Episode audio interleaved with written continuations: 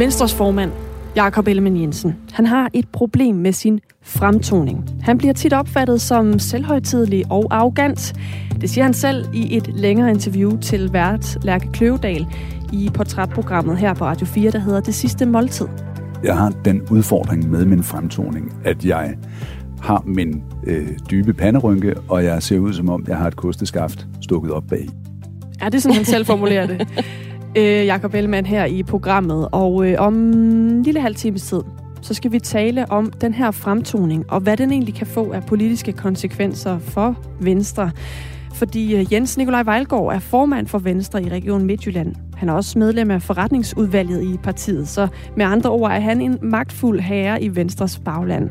I 2019 der blev han kendt som oprørslederen fra Hvide Sande, fordi det var ham, der ringede til Lars Løkke og Christian Jensen og bad dem om at trække sig som fra formandskabet i partiet. Og vi skal tale med ham om, hvad han mener, at øh, Jakob Ellemann Jensens fremtoning gør for øh, Venstre, om det er en udfordring, og om det ligefrem måske kan få konsekvenser også for øh, statsministerchancerne. Øh, og vi har også spurgt på øh, sms'en, om du mener, Jakob Ellemann Jensen har ret i sin egen udlægning af sin egen fremtoning. Altså, at han virker sådan lidt øh, arrogant og øh, også selvhøjtidligere. Det er der kommet øh, beskeder ind på. Der er en, der skriver her, Godmorgen, jeg giver Ellemann ret. Altså i, at han er arrogant. På samme grundlag ønsker jeg ikke ham som blå statsminister. Men måske et tredje alternativ. Og så en lille øh, smiley. Sådan lidt kæk-smiley. En kæk-smiley. Ja, der tænker lidt. Det er Vestjyden, der har sendt den ind, som også lige skriver PS. Den nye fastpris på strøm i fjerde kvartal ved Nordlys er knap 5 kroner per kilowatt, plus afgift og tarif. Der er lige blevet fastsat øh, strømpriser for dem, der har øh, fast strøm. Det kunne godt være, at vi lige skulle dykke lidt ned i det ja, lidt det senere. Godt være en, tak for en mulighed. update derfra mm. til Vestjyden. Og tak for sms'er. 1424 kan man sende den slags ind på. Her er klokken blevet 7 minutter over 7, og du lytter til Radio 4 morgen med Anne Philipsen og Dagmar Eben Østergaard. Godmorgen.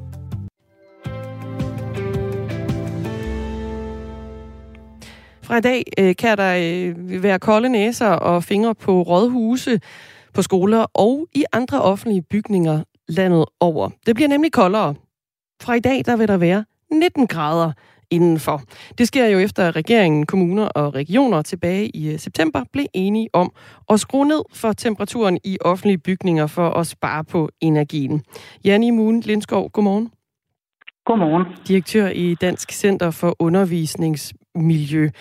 Øhm, det kan jo godt komme til at få en øh, betydning, både for øh, voksne, men også for, øh, for børn, som jo skal møde op på skolen i dag for at få øh, undervisning. Hvordan vil sådan en øh, temperaturnedgang til 19 grader påvirke eleverne? Man må forvente, at eleverne de øh, reagerer forskelligt. Nogle de vil måske slet ikke opdage det, mens andre de kan klare det med en, med en varmere trøje. Men de elever, som vil være mest påvirket af den her køligere temperatur, de vil kunne opleve en, en, en anspændthed og en stivhed i kroppen, og selvfølgelig også kolde hænder og, og, og en kold krop. Så øh, man kan komme til at se elever, der har svært ved at sidde stille. Øh, man kan komme til at se elever, der har svære ved at koncentrere sig, fordi den, den energi, de normalt bruger på at lytte og koncentrere sig og samarbejde med klassekammeraterne, den nu i højere grad bruges på at holde varmen. Er der, er der nogle elever, øh, man kan pege ud og sige, de kan blive hårdere ramt end, end andre? Det tænker jeg ikke. Det er, det er meget individuelt fra elev til elev, hvordan de her 19 grader kommer til at, at mærkes på kroppen. Og hvordan øh, kan det, du lægger frem her, komme til at betyde for, hvad kan det komme til at betyde for undervisningen i øh, skolerne? Jamen for mange, øh, så vil det nok ikke påvirke undervisningen overhovedet, men man kan sige, at, at hvis man som elev sidder og fryser og, og har lidt svært ved at sidde stille, jamen så ved vi også, at sådan en indre uro og en indre mangel på at, at kunne koncentrere sig, den kan hurtigt sprede sig til klassekammeraterne. Så det kan være, at der nogle steder vil, vil være lidt mere uro øh, end andre. Men det positive, det er jo, at man kan forberede sig på det her. Så så længe vi forbereder os godt, jamen så, så tror jeg, at så skal eleverne og, og lærerne nok klare sig. Og hvad er de øh, helt gode, rigtige forberedelser til at gå en øh, lidt koldere undervisningsdag i møde? Jamen altså, jeg, jeg tænker, det er, det er en rigtig god anledning til at, at få kigget ind i, øh, om man får øh, integreret øh, bevægelse i undervisningen og prøver at få skabt en mere varieret undervisning, så man undgår for meget stillesiddende øh, aktiviteter. Så er det jo også en oplagt mulighed for, at eleverne også selv har mulighed for at sætte fokus på det her med deres temperaturforhold, deres indeklimaforhold generelt. For eksempel gennem elevrådet, eller eventuelt ved at få uddannet nogle undervisningsmiljørepræsentanter. Og så den helt lidt mere lavpraktisk, jamen, så kan man jo også øve sig i som elev og, og prøve at få lavet en effektiv udluftning. Det vil sige, at man husker at få lukket døren, når man er i klassen, og når der så er pauser, så får man lavet noget, noget godt gennemtræk.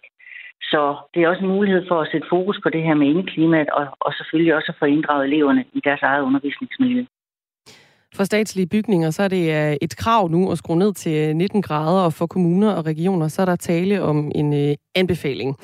Private virksomheder de anbefales også at holde en indendørs temperatur på øh, bare de her 19 grader, og en øh, normal indendørs temperatur for de fleste sådan, øh, vedkommende er komforttemperaturen på mellem 20 og, 22 grader. Øhm, hvad for nogle andre udfordringer kan der være ved den her lavere temperatur, Janne Moon Lindskov? Jamen altså, vi ved jo, at, øh, at der er flere af vores øh, skolebygninger, som, som er, er gamle øh, i det, og, og dermed så øh, er der også nogle utætte lokaler. Øh, så man kan sige, øh, der vil også være nogle steder, hvor der vil være lidt mere træk måske end andre. Og der kan man sige, at når temperaturen er lavere, jamen så, øh, så kommer det selvfølgelig også til at, at, at påvirke indeklimaet. Og er det en smertegrænse, de her 19 grader, i forhold til stadigvæk at kunne øh, sådan fungere på den ene eller den anden måde, som, øh, som elev, eller jo også voksen menneske, der skal møde ind på en, på en arbejdsplads i dag? Øh, I Danmark der har vi faktisk ingen konkrete krav til temperaturen i undervisningslokaler. Øh, hos DCOM der ligger vi os op af arbejdstilsynets anbefalinger, øh, som siger, at der skal være minimum 18 grader og maks 25 grader ved stillesiddende arbejde. Så vi er stadigvæk indenfor. Vi er lidt i den lave ende. Øh, men det, at øh, man kan sige, at temperatur er lidt en, en pudsig størrelse, fordi man skal jo stadigvæk huske at få luftet ud, selvom vi nu sænker temperaturen til 19 grader. Fordi det er jo stadig vigtigt øh, at skabe det gode indeklima. Der vil stadigvæk blive spist madpakker i klasserne, og nu går vi også efteråret møde, hvor der også højst sandsynligt kommer til at være mere vådt tøj og våde støvler inde i klasselokalerne, som skaber lidt højere fugtighed. Så selvom vi egentlig skal sænke temperaturen, så er det stadigvæk vigtigt at få luftet ud. Det er bare vigtigt at gøre det effektivt. Mm. Går du også en øh, koldere arbejdsdag med, Janne Munlind Skov, direktør i Center for øh, Undervisningsmiljø? Ja, det er jeg sikker på, at jeg gør. Så øh, jeg har også taget den gode varme trøje på i dag. Sådan, og hermed også en øh, opfordring til dig, der øh, lytter med, om at tage en øh, varm trøje med i dag, hvis du skal møde ind i en offentlig bygning på øh, arbejde, eller hvis dine børn de skal i øh, skole. Janne Moon Lindskov, du skal have tak. Selv tak. Direktør i øh, Dansk Center for Undervisningsmiljø. Og det er altså på en øh, dag, hvor vi fra, ja, det er den første hverdag efter det er blevet indført, at øh, offentlige bygninger, de skal have en indendørs temperatur på 19 grader. Klokken er 13 minutter over syv. Og der er lagt op til en begivenhedsrig uge i dansk politik, tror jeg godt, vi kan sige, uden at love for meget. Fordi i morgen, der åbner Folketinget, og dermed så nærmer statsminister Mette Frederiksen sig også den sidste frist for selv at udskrive valg, hvis ikke hun vil væltes af radikale venstre. Men det her mulige valg kommer midt i en egentlig tillidskrise, hvor vælgerne i bekymrende grad har tabt troen på det politiske system. Så lyder det fra Jesper Claus Larsen, der er stifter af virksomheden Electica, der rådgiver om vælgeranalyser, politisk kommunikation og kampagner. Det, som jeg blandt andet har gjort, det er, at jeg har prøvet at, at tage et spørgsmål, som, som, som vi kender fra, fra valgforskningen, og så egentlig prøvet at stille det over en lang periode, øh, gående tilbage fra de, fra, de, fra de foregående år. Og der kan jeg se, at hvis vi kigger tilbage fra en situation omkring øh, coronakrisen, hvor tilliden til politikerne egentlig var øh, forholdsvis høj, alt andet lige, jamen så har vi over det seneste års tid eller halvanden rent faktisk kunne konstatere et direkte fald i tilliden. Så kan vi altid diskutere, hvor meget eller hvor lidt tillid man har til politikerne, og hvad det er, der sådan er, er grundlaget for at definere det. Men der er ikke nogen tvivl om i de tal, som jeg arbejder med, at der ser vi en situation kommende ind i det forestående folketingsvalg og den forestående valgkamp, hvor politikerne har et meget kraftigt efterslæb i forhold til, om vælgerne, i hvert fald de fleste vælgere, oplever, at de kan have tillid til politikerne i almindelighed. Og Jesper Claus Larsen mener, at der er mange årsager til den her lave tillid. Altså for det første, så spiller det jo ind, og det er jo sådan set også det, som, som, som I allerede har været inde på her til morgen. Altså, hvad er det for en situation, vi står i? Man må også sige, at vi kommer til at gå ind i en valgkamp, vi kommer til at gå ind i et folketingsvalg, som måske øh, bliver et af de allermest skældsættende i dansk politik, øh, i hvert fald sådan i nyere politisk historie, forstået på den måde, vi har været igennem en valgperiode, hvor vi har haft øh, kriser. Vi har haft coronakrise. Vi har nu en, en, en bullerende økonomisk krise. Vi har en sikkerhedspolitisk krise, hvis vi kigger ud over øh, Danmarks grænser. Vi har en klimakrise. Det sætter en, en, en, en, en særlig dagsorden og nogle særlige forventninger fra vælgernes side i forhold til politikerne. Vi har også en situation, hvor man må sige, jamen, politikerne i sig selv har jo også i en eller anden grad været med til at drive lidt af denne her, øh, hvad skal man sige, øh, det her spørgsmålstegn, som, som vælgerne kan stille i forhold til at sige, hvordan skal vi nu forholde os til politikerne, forstået på den måde. Vi ser en valgperiode, hvor vi har, øh, jeg tror, Danmarks historie i, i partiskift, vi ser en, en stemmeseddel til det kommende folketingsvalg, hvor vi har 14 partier, og der er lige pludselig dukket en række nye partier op. Alt det her til sammen er sådan set øh, energier, som føder ind i, at vælgerne lige nu, og man kan sige, det er jo ikke, det er jo ikke sådan, at jeg siger, at, at det, det kommende folketingsvalgkamp og det kommende folketingsvalg ikke kan løse op for noget af det her, fordi det tror jeg sådan det også godt, det kan.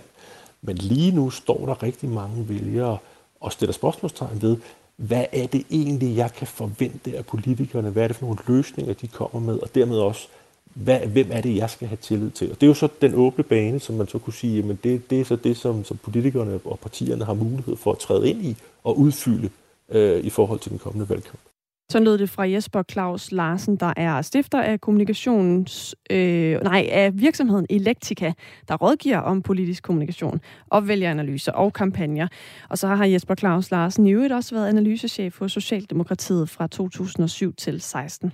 Og så vil jeg da lige øh, også nævne her på øh, faldrebet, når nu vi går den her spændende uge i møde, at vi jo sender Radio 4 morgen fra Christiansborg i morgen i anledningen af Folketingets åbning. Det er altså inden for de normale tidspunkter, så i klokken øh, 6.05 og frem, der sender vi altså fra Folketinget i morgen. Og lad os da så lige tage en uh, tur omkring, hvordan elpriserne de uh, ser ud i dag. Vi skal omkring en eludsigt. I øh, dag, mandag den 3. oktober, der kan du se frem til, den laveste pris er 2 kroner og 22 øre. Og øh, det er en pris, som vi ja, sådan set allerede har overstået, fordi det var i nat kl. 12. Hvis vi nu kigger endnu længere frem, så finder du den billigste pris klokken... Det er klokken 14. 2 kroner og 25 øre bliver prisen der. Højeste pris, det er 5 kroner 81 øre. Det er gode gamle klokken øh, 19. Det er tit der, elpriserne de, øh, de piker.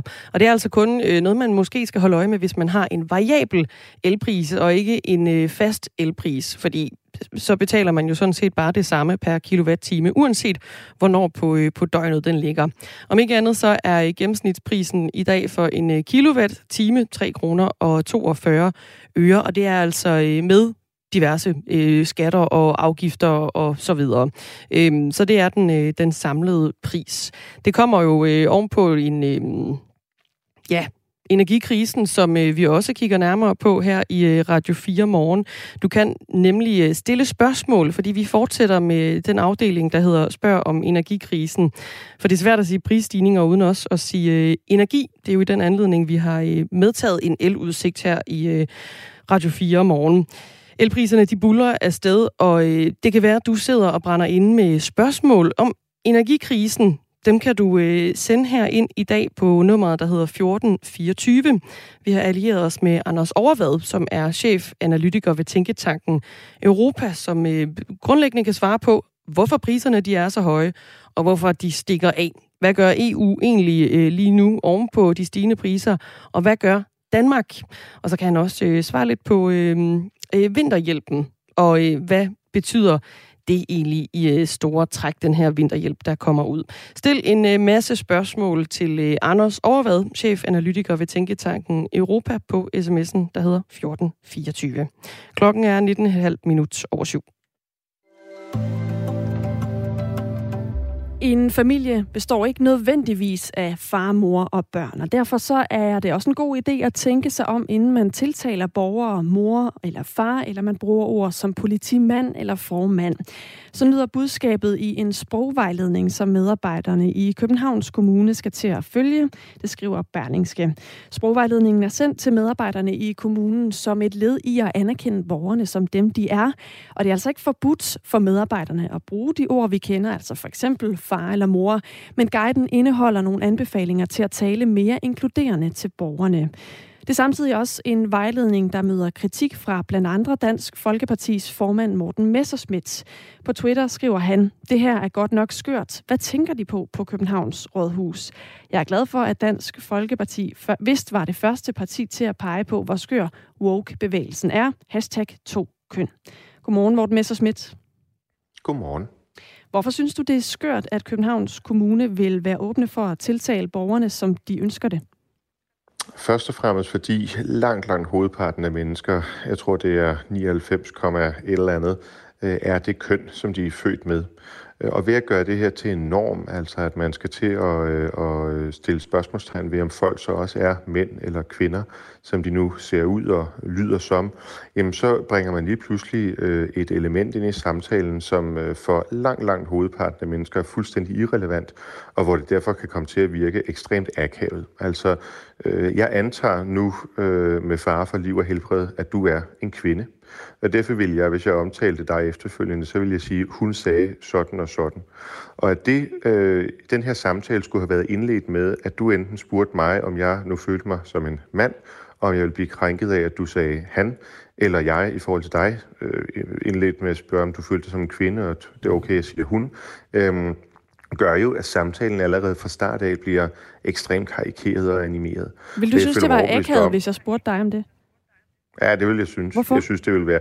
Ja, for jeg, vil, jeg vil have det sådan tænkt, hvad, hvad, hvad, tænker du på? Altså, synes du ikke, jeg er mandig nok? Altså, synes du, hvad, hvad får dig til at være i tvivl om, hvorvidt jeg skulle være en mand? Hvis nu altså, jeg, jeg sagde, være... jeg spørger bare for at være sikker på, at jeg ikke øh, gør noget forkert, når jeg tiltaler dig. Jeg skal bare lige vide, skal jeg tiltale dig som en mand? Vil det så ikke være nemt for dig? Du kunne jo bare svare ja tak, og så var den samtale over. Nej. Nej, nej, jeg, jeg synes ikke, det ville være nemt. Jeg vil sidde med nogle, og især, du ved, hvis man er i berøring med med, med, med øh, ældre borgere og sådan noget, som, andre, eller som nogen, som man jo er i den kommunale forvaltning, der vil synes, det var en helt vild måde øh, at, at indlede samtalen på, en skør måde at indlede samtalen på. Øh, og det er det, det, der er problemet for mig at se. Altså, jeg tror, at de fleste øh, offentlige ansatte, der sidder i, øh, i visitationen eller i, i callcenter, eller hvad sådan noget hedder, jamen, øhm, de har en, en høj grad af hensynsfuldhed. De ved godt, hvordan de skal kommunikere med borgerne. Øhm, det der med, at det sådan skal være en, en, en påduttet hensyntagen, som den her vejledning øh, lægger op til, det synes jeg er helt skørt. Tidligere her til morgen, der talte vi med Nina Alin, der er HR-chef i økonomiforvaltningen i Københavns Kommune, og hun forklarede, at vejledningen skal inkludere flere borgere, end man gør ved den nuværende måde, man bruger sproget på i kommunen. Det hele pointen med det her, det er, at der skal ganske lidt til for at, at bruge et mere inkluderende sprog. Og som, som I kommer med eksemplet, altså at en familie ikke per definition jo består af mor, far og børn. Øh, så i stedet for at sige mor og far, øh, så kan vi bruge begrebet øh, forældre. Der skal ofte ikke særlig meget til at være mere inkluderende i sit sprogbrug. Morten Messerschmidt, hvad er egentlig konsekvensen ved, at man for eksempel bliver tiltalt forældre, hvis det er det, man øh, gerne vil, og andre så kan vælge at blive tiltalt med mor og far? Altså, hvad er så egentlig, hvem går det ud over? Der, er ikke noget, der, der går ikke noget galt i at bruge øh, forældre. Øh, det, der er problemet, det er jo, at man overhovedet skal begynde at tænke over de her ting, som overhovedet ikke er, øh, er relevant eller er et problem for langt, langt, langt hovedparten af, af folk.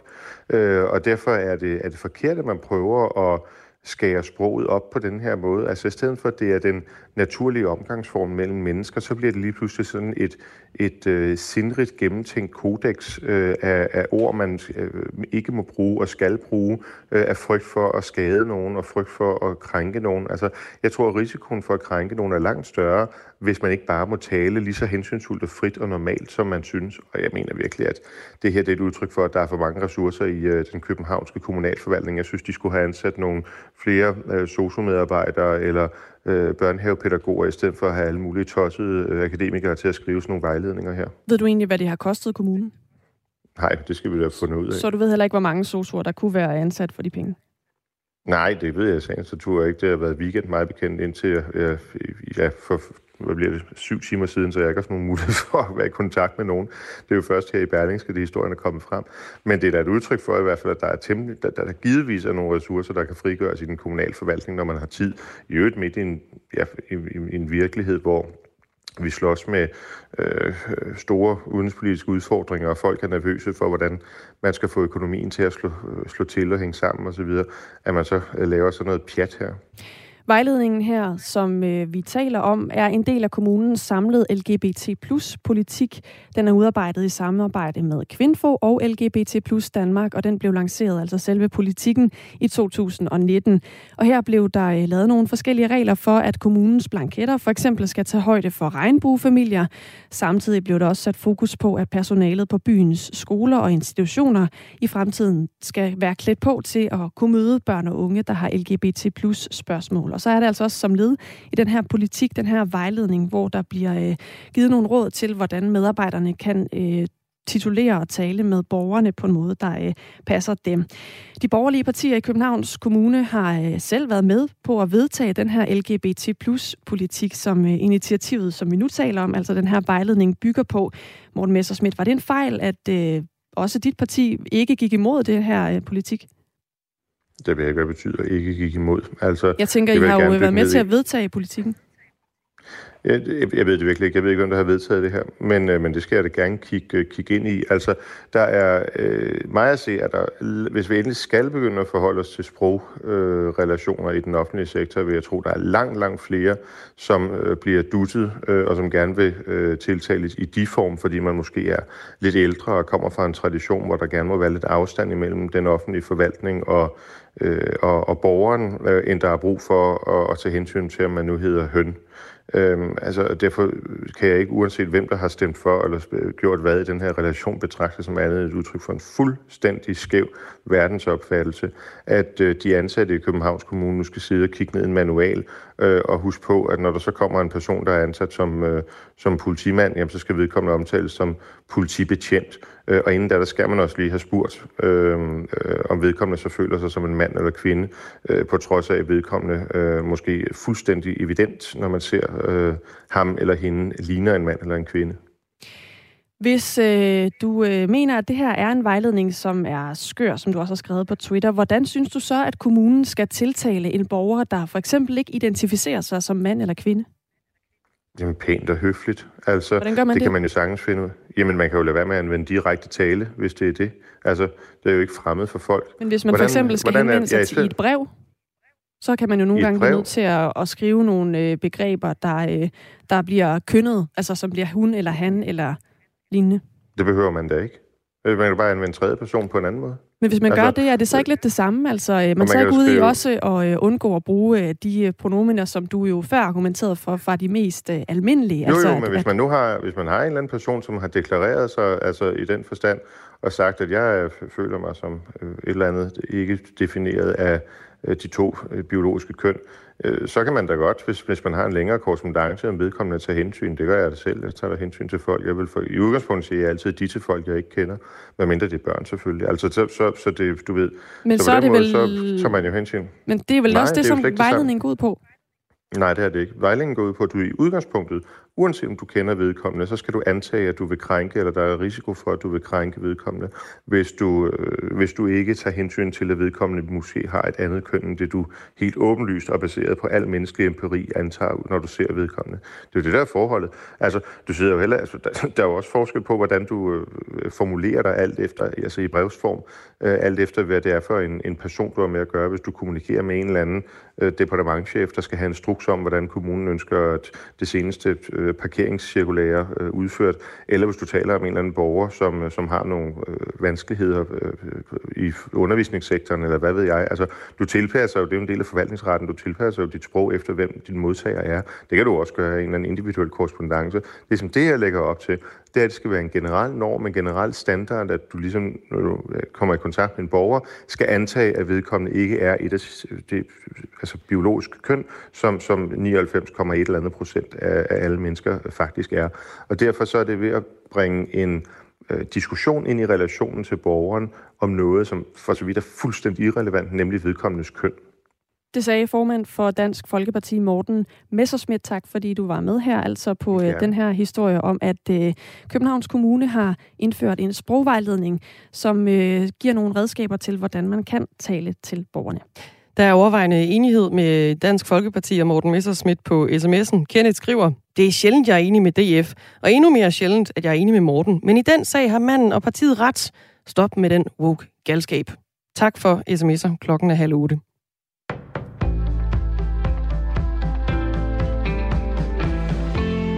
Et nyt jerntæppe er ved at sænke sig over Europa, og danskerne går en usikker fremtid i møde. Sådan lyder nogle af konklusionerne i rapporten Dansk Sikkerhed og Forsvar frem mod 2035, som bliver præsenteret senere i dag, men som DR har set.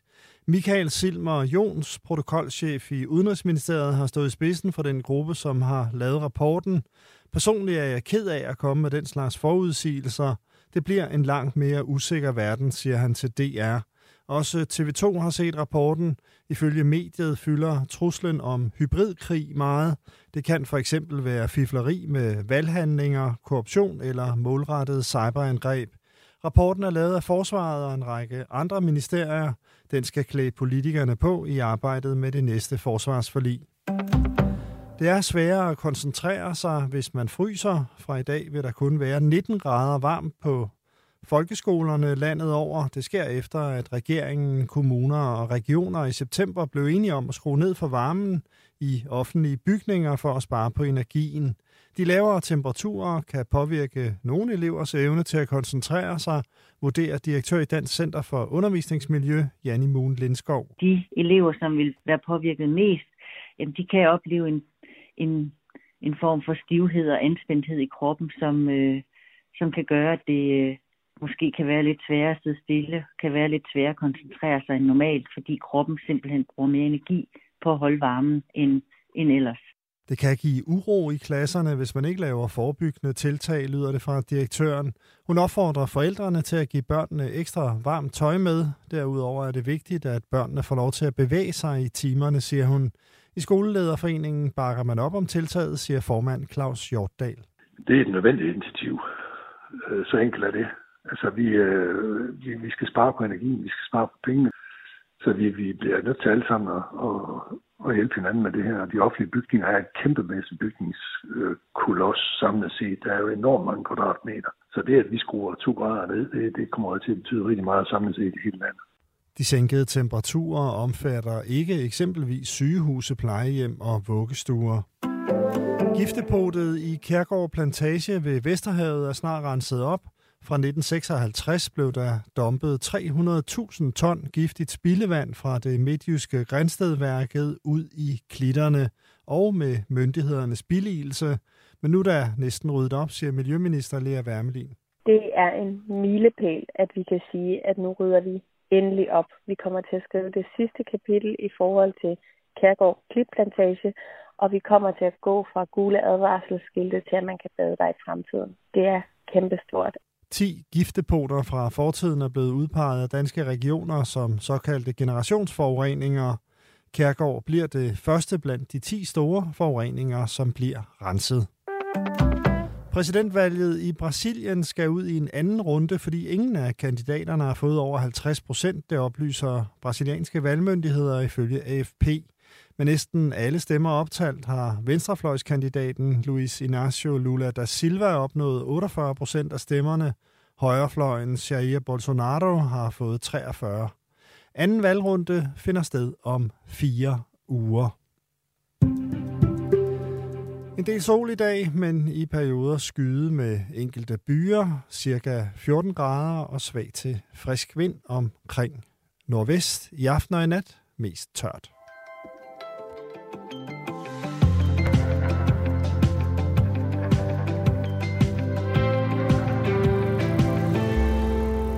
I dag kl. 13 bliver der præsenteret en ny rapport. Den hedder Dansk Sikkerhed og Forsvar frem mod 2035, og den har altså nogle lidt dystre konklusioner. For eksempel lyder det, at et nyt jerntæppe er ved at sænke sig over Europa, og at vi danskere går en usikkerhed, usikker fremtid i møde. Det er en øh, rapport, som øh, altså som sagt bliver præsenteret senere, men som DR og TV2 har set, og øh, det er en øh, gruppe i Udenrigsministeriet, der står bag den her rapport. Vi kommer til at dykke ned i, hvad vi øh, kan sige på nuværende tidspunkt om rapporten, og det gør vi om 10 minutters tid. Venstres formand og statsministerkandidat Jakob Ellemann Jensen. Han har et problem, og det er øh, med hans fremtoning. Han bliver nemlig ofte opfattet som selvhøjtidlig og arrogant.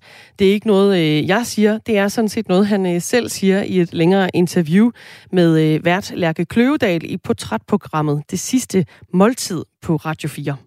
Jeg har den udfordring med min fremtoning, at jeg har min øh, dybe panderynke, og jeg ser ud som om, jeg har et kosteskaft stukket op bag. Og det, øh, det er selverkendelse. Ja, det, det, jamen det, og, og det er en udfordring. Og, så fordi og hvorfor jeg, er det en udfordring?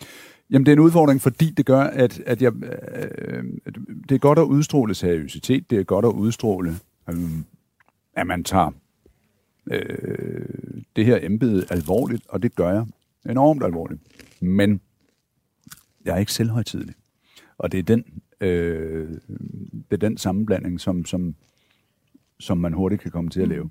I målinger over de tre statsministerkandidaters popularitet ligger både Socialdemokratiets Mette Frederiksen og konservatives Søren Pape Poulsen markant over Jakob Ellemann Jensen. Og spørgsmålet det er, om øh, Ellemanns selvhøjtidlige fremtoning kan spille en rolle for den opbakning, han får fra øh, vælgerne. Jens Nikolaj Vejlgaard, godmorgen. Godmorgen. Formand for Venstre i Region Midtjylland og medlem af forretningsudvalget i partiet. Øhm, er Jakob Ellemann Jensens fremtoning en udfordring for Venstre, sådan som du ser det? Overhovedet ikke. Altså, jeg vil hellere have en seriøs øh, øh, statsministerkandidat, som er tør betro embedet en, øh, en eller anden, øh, hvad hedder så noget stand-up-komiker. Altså, heller en, man kan stole på, en, som øh, man ved, hvor man har, og det gør vi med, øh, det gør vi med Jakob. Vi har jo ringet til dig, fordi du er øh, en magtfuld mand i øh, Venstres bagland, øh, Jens Nikolaj Vejlgaard. I 2019 der fik du øh, tilnavnet oprørslederen fra Hvide Sande, fordi det var nemlig dig, der ringede til Lars Lykke og øh, Christian Jensen og bad dem om at trække sig fra øh, formandskabet i partiet. Vi skal lige høre, hvad du dengang sagde i et interview med TV MidtVest. Vi synes, at der skal ryddes op. Der har været alt for meget turbulens i Venstre nu. Og vi synes, hvis der skal ryddes op, så er det nu, vi skal have det gjort. Det er nu den rigtige tid til det. Der er fire år til næste valg. Siden der bliver Jakob Ellemann Jensen så valgt som øh, formand for Venstre, og nu står vi så muligvis for foden af en øh, valgkamp og et folketingsvalg, hvor Venstre i seneste øh, meningsmåling fra Voxmeter står til 14,1 procent af stemmerne. Og ved valget tilbage i 2019, hvor Lars Lykke Rasmussen stadig var formand for Venstre, der fik partiet 23,4 procent. Tror du, at Jakob Ellemann Jensens stil og fremtoning kan have betydning for, at der ikke er flere vælgere, der har øh, tænkt sig at stemme på Venstre? Ja, men nu er der rent meget vand i åen, siden øh, øh, vi havde en anden formand, og ærligt, så, så, så, så er der sikker på, at når man får en ny formand, så skal, sådan, øh, så skal en formand vende sig til ligesom øh, man selv skal, hvis man får et nyt arbejde, vende sig til at komme i gang, og er sikker på, at det skal nok øh, komme til at gå rigtig godt med, øh, med Jakob i, øh, i spidsen, og, og han skal nok føre os frem mod, øh, mod nye øh, valgsejre før eller siden. Det er ikke et sekund i tvivl om. Men han har jo været formand siden 2019. Har det ikke været god tid til at, at komme ind i rollen? Jo, jo, men så noget, noget, altså vi kan jo også sige, at det går fremad. Altså, meningsmålinger siger jo også, at det lige så stille øh, går fremad for vores øh, parti, så, så, så, så øh, altså, det er bare noget, der kommer over, over, over nat. Altså, det går, øh, altså, det går lige så stille og roligt fremad, og vi er meget fortrøstningsfulde, og det skal, det skal nok komme til at gå rigtig, rigtig øh, godt. Vi har en, en formand, som, som man kan, kan stole på, og en, det, vi tror, bliver en rigtig, rigtig god statsminister. Ja, det går fremad ovenpå. Kan man vist godt, det vil du vel godt være med på at sige, et gevaldigt hug i øh, opbakningen, altså fra 23,4 procent i 19 til nu 14,1 procent af, af stemmerne? Jo, jo, men vi, man har også i visse meningsmålinger været nede og ligge omkring 10. Så, så, det, går, det går den rigtige vej, og det er altid det er en god start. Øh, hvad mener du, eller hvad tænker du er årsagen til, at Venstre de ikke ligger højere i, øh, i meningsmålingerne egentlig? Jamen, det, det, altså, vi ser jo et, et vælgerhav, som på en eller anden måde er i oprør, og mange nye partier, og der sker en masse, som, som man... Øh, altså, øh, så er sådan en valgforsker også, som sagde, at det, det, det, der, der sker et eller andet, der er et oprør i vælgerhavet, så, så, så, så, så det har måske noget at, at gøre med det. Altså, der er kommet øh, nye partier til, og øh, vi kan se gamle etablerede partier. Det er ligesom om, at, at folk siger, at man vil gerne have noget nyt. Øh, man søger væk fra de etablerede partier. Socialdemokraterne står til at måske til at få det, øh, det ringste valgresultat i over 100 år, og man kan også, Dansk Folkeparti bliver øh, maksimalt minimeret. Så, så, så der er måske noget i vælgerhavet, at man vil godt have noget nyt. Og det er måske også det Venstre, vi mærker. Socialdemokratiet de fik ved valget i 2019 25,9 procent. Den seneste meningsmåling fra Voxmeter viser, at de står til 25,1 procent. Så, så helt ringe opbakning jo ikke derovre. Nej, men der er også andre meningsmål, der siger 22, men altså, det er jo, øhm, det er jo det, det som det er. Det, det, der er i hvert fald noget, der tyder på, der er noget, der tyder på, at, øh, at man søger væk fra, fra etablerede øh, partier, man prøver noget nyt. Og det kan godt ske, at, øh, at, at det er det, Venstre de, øh, de er rent ind i. Jakob Ellemann Jensen, han er flere gange blevet øh, kritiseret for at, øh, at fremstå øh, arrogant. Kritikken den blev blandt andet rejst af det tidligere venstre medlem i Maja Fjord Kommune, Svend Madsen, som sidste år kaldte Jakob Ellemann Jensen arrogant, inden han så også valgte at melde sig ud af partiet. Konkret der sagde Svend Madsen dengang til Avisen Danmark, og nu citerer jeg lige. Der er simpelthen for lidt format og for meget arrogance over Jakob Ellemann Jensen. Når han står der og retter på sine manchetter, ligner han en, der hellere vil have en fortjenstmedalje af dronningen, end han vil repræsentere familien Danmark. Her er det stadig Lars Lykke Rasmussen, der er statsmanden, som man lytter til. Det format har Jakob bare ikke. Det stikker dybt i vores bagland, det her, og det kommer til at få stor betydning for både det kommende kommunalvalg og for næste folketingsvalg, lød det fra øh, Svend Madsen, øh, det tidligere venstremedlem i Maja Fjord Kommune.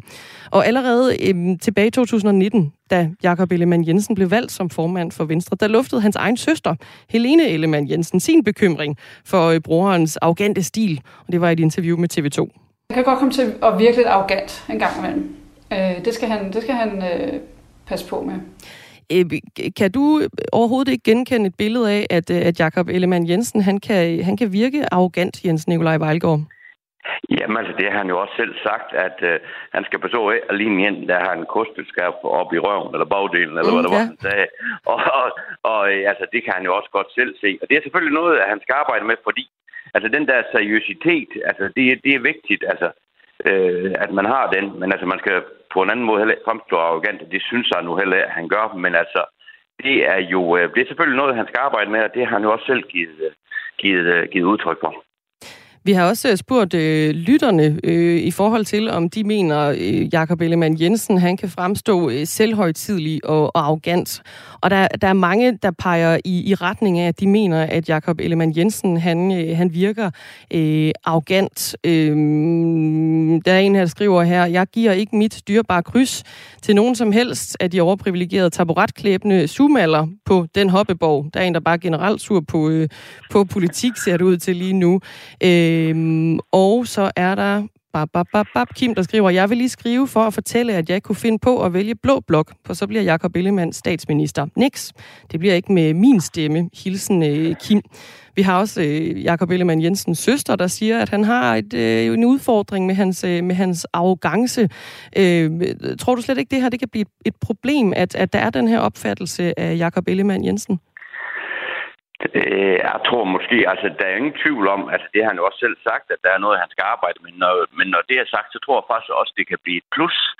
Fordi det, at okay. man er seriøs og tager singerne, til tingene seriøst, altså ham kan man regne med, der er ingen øh, en finger at sætte på Jakob. Øh, han er, øh, man ved, at man kan stole på ham, og det han siger, det, det står han ved, og der er ingen fekundægt nogen steder. Øh, det tror jeg faktisk på en eller anden måde kan blive en, en, en plus, øh, at øh, man måske øh, kan udstråle den, øh, den ærlighed og, og den stabilitet, som der er brug for, hvis man skal være statsminister i, i Danmark. I programmet, øh, der hedder Det Sidste Måltid, som vi, vi taler mm. ud fra her, øh, der fortæller Jakob Ellemann Jensen også, at det, altså, at det irriterer ham, at han bliver opfattet som selvhøjtidlig og fin på den det der billede ja. af, at uha, det er sådan en eller anden fin lille øh, mandslæng, der render rundt i øh, laksko og går i kjoler hvidt hver dag, det, det er et billede, som jeg synes er forkert, og som jeg derfor synes er, øh, er træls. Men hvad ligger der i folkelighed for dig? Jeg ved ikke, hvad der ligger i folkelighed. Jeg synes, at altså jeg synes, det er vigtigere at være ægte, end at være folkelig. Er du enig med Jakob Ellemann Jensen i, det er vigtigere at være ægte, end at være øh, folkelig, Jens Nikolaj Vejlgaard? Ja, det er jo selvfølgelig. Altså, man er jo nødt til at, være den er. Jeg ved også, at når jeg, øh, når jeg snakker med, med Jakob, han kan være den, mange siger også, at han er den mest morsomme mand, øh, som går rundt på Christiansborgs gange. Jeg ved godt, det siger måske alt så meget, men, øh, men altså, det, altså, jeg er sikker på, altså, selvfølgelig er han ægte, men altså, der er jo selvfølgelig også et, et menneske inde bagved, den der, øh, øh, den facade, der udstråler, at øh, man har tjekket over det, måske øh, at man har et kursusskab op bag i. Altså, der er også en mand der inde bagved, og det, det skal han måske bare øh, blive, øh, blive bedre til at, øh, at vise øh, øh, på, en eller anden, øh, på en eller anden god måde, og, og vise lidt øh, humor. Men man må så på den anden måde jo se, øh, jo heller ikke blive øh, komme til at fremstå som, som plat. Så det er selvfølgelig en svær øh, balancegang. Vi tager lige et sidste øh, klip fra, øh, da du gav et interview til øh, TV MidtVest, øh, Jens Nikolaj Vejlgaard, formand for Venstre i Region Midtjylland og medlem af forretningsudvalget i partiet. I det her øh, interview, øh, du gav efter at have givet Lars Lykke og Christian Jensen besked om at trække sig fra formandskabet i Venstre i 2019, der sagde du også øh, følgende om, hvad en formand og en næstformand skal kunne i Venstre. En formand og næstformand skal kan fagne hele partiet og kan... Øh og kan øh, på en eller anden måde være far for, for hele partiet og sørge for at, at være det samlende led øh, og få, få hele holdet til at, at spille sammen. Det må være en formand og næstformands fornemmeste opgave. Kan Jakob Ellemann Jensen øh, alle de her ting, du listede op tilbage i 2019 om en, en formand for Venstre? Jamen altså, øh, det er faktisk, synes jeg faktisk, at Jakob øh, besidder øh, de ting. Øh, det er klart, at Rom blev ikke bygget på en dag, men altså, Jakob har øh, lige netop øh, mange af de der øh, ting, som, som er efterlyser. Og når man ser på Venstres bagland, så er der jo også, øh, øh, og har været, øh, i hvert fald siden, at øh, Inger forlod partiet, har der været total ro på. Øh, der har været øh, fuldstændig ro i, i baglandet, sådan mere eller mindre generelt set. Man hører ingenting mm. fra gruppemøderne. Altså, det er jo øh, ærligt talt, så, så, så, så, er det, så er det næsten alt for roligt i Venstre. Men øh, det er nok også fordi, at øh, vi har en stabil og en god formand, som nok også kan blive en god øh, statsminister. Eller det er jeg sikker på, han kan. det kan være, det begynder at, at rumstere en smule mere, når der nu engang formentlig bliver udskrevet valg inden, øh, inden alt for længe. Jens Nikolaj Vejlgaard, du skal have tak. Velkommen. Oprørslederen fra Hvide Sande blev han øh, kaldt, og formanden for Venstre i Region Midtjylland og medlem af forretningsudvalget i partiet. Hele interviewet med øh, Jakob Ellemann Jensen, som er øh, Venstres statsministerkandidat, det kan du finde i øh, Radio 4-appen. Du skal søge på programmet Det Sidste Måltid, som er et portrætprogram, hvor gæsten får skrevet sin nekrolog, spiser tre retter, som gæsten selv har valgt som sit sidste måltid. I næste time, der taler vi med Radio 4's politiske redaktør Thomas Larsen om, hvilken betydning Jakob Ellemann Jensens fremtoning har for Venstres vælgertilslutning.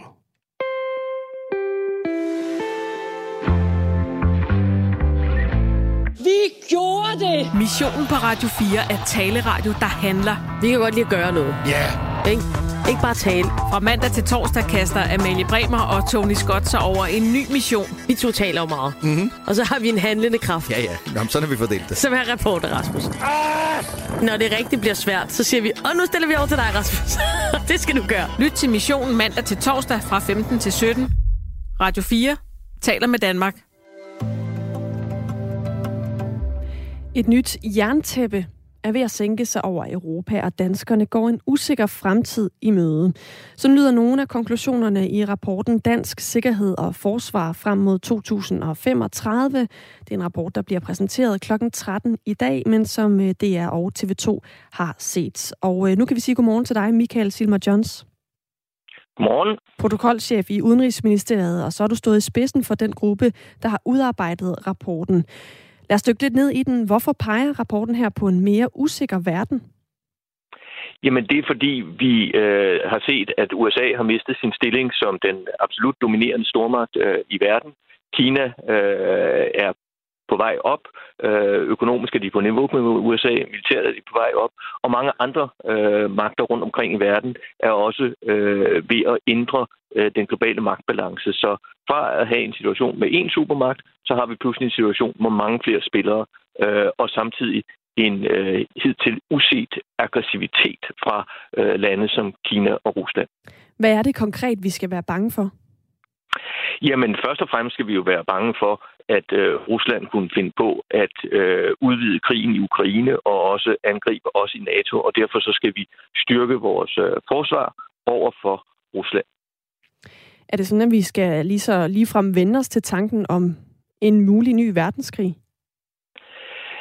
Det skal vi jo selvfølgelig gøre alt for at undgå, og den bedste måde at undgå det på, det er det at sikre, at NATO's øh, forsvar er helt oppe øh, på det allerhøjeste øh, niveau, så ingen kan få bare den tanke at finde på at angribe os.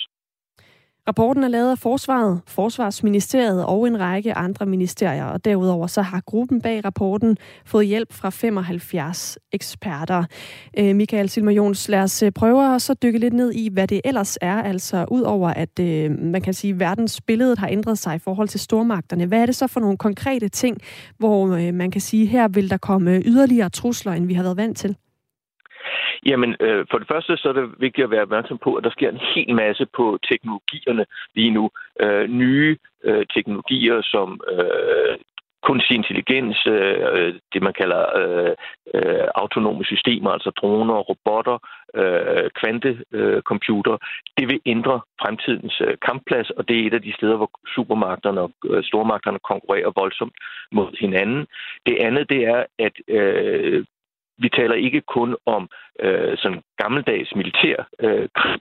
Vi taler jo også om det, vi kalder hybridkrig, med alle mulige former for øh, cyberangreb, sabotage, som vi lige har set ude i Østersøen. Alle mulige andre måder at forsøge at skræmme os på og øh, undergrave vores samfund, ødelægge vores øh, infrastruktur, afskære os for kritiske forsyninger. Alt det skal vi forberede os på, at vi er over for en øh, helt anden hård verden. Og øh, hvordan kan det sådan øh, mere konkret så blive... Altså, hvad skal man konkret gøre for at sådan, øh, beskytte os mod det?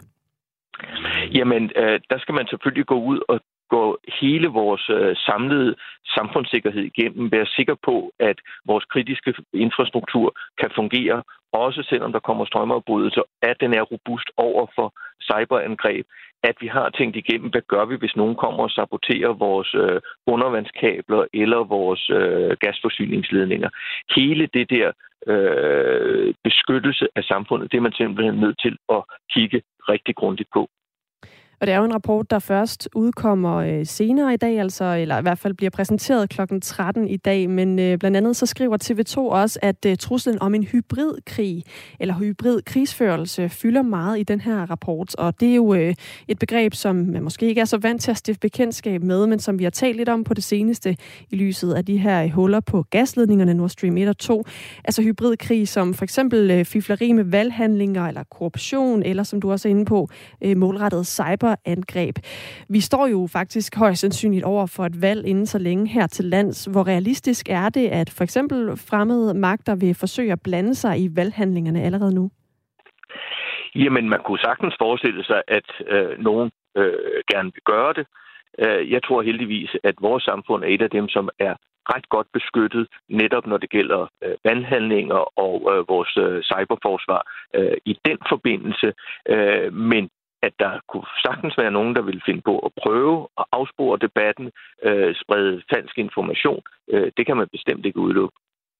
Og hvad kan man øh, sådan her nu gøre ved det? Fordi nogle af de ting, du øh, nævner, er vel også ting, der tager tid at forebygge.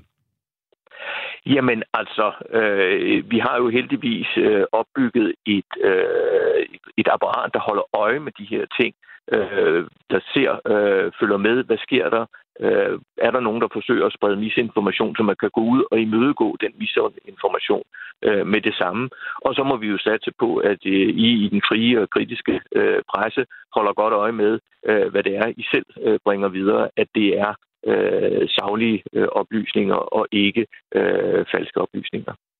Det er tanken, at rapporten her skal give politikerne noget viden i arbejdet med det næste forsvarsforlig. Det skal være færdigt inden 2024. Og øh, det er jo så øh, det her forsvarsforlig, der er med til at beslutte, hvordan forsvaret skal køre de næste 10 år. Hvad skal der til, hvis det danske forsvar skal være i stand til at bekæmpe alle de trusler, som rapporten peger på? Jamen altså, der skal flere øh, ressourcer til, og det er jo heldigvis allerede besluttet øh, af Øh, et bredt flertal i Folketinget i det nationale kompromis, at vi skal op på de 2% øh, af BNP i øh, forsvarsudgifter. Det er det ene, og mange af de penge bliver man nødt til at bruge til en gennemgribende teknologisk opgradering af forsvaret fordi det bliver svært at få mange flere folk ind til forsvaret med det arbejdsmarked og øh, den befolkningsudvikling, vi har. Så det, det gælder om, det er at gøre hver enkelt soldat og hver enkelt øh, krigsskib og kampvogn osv.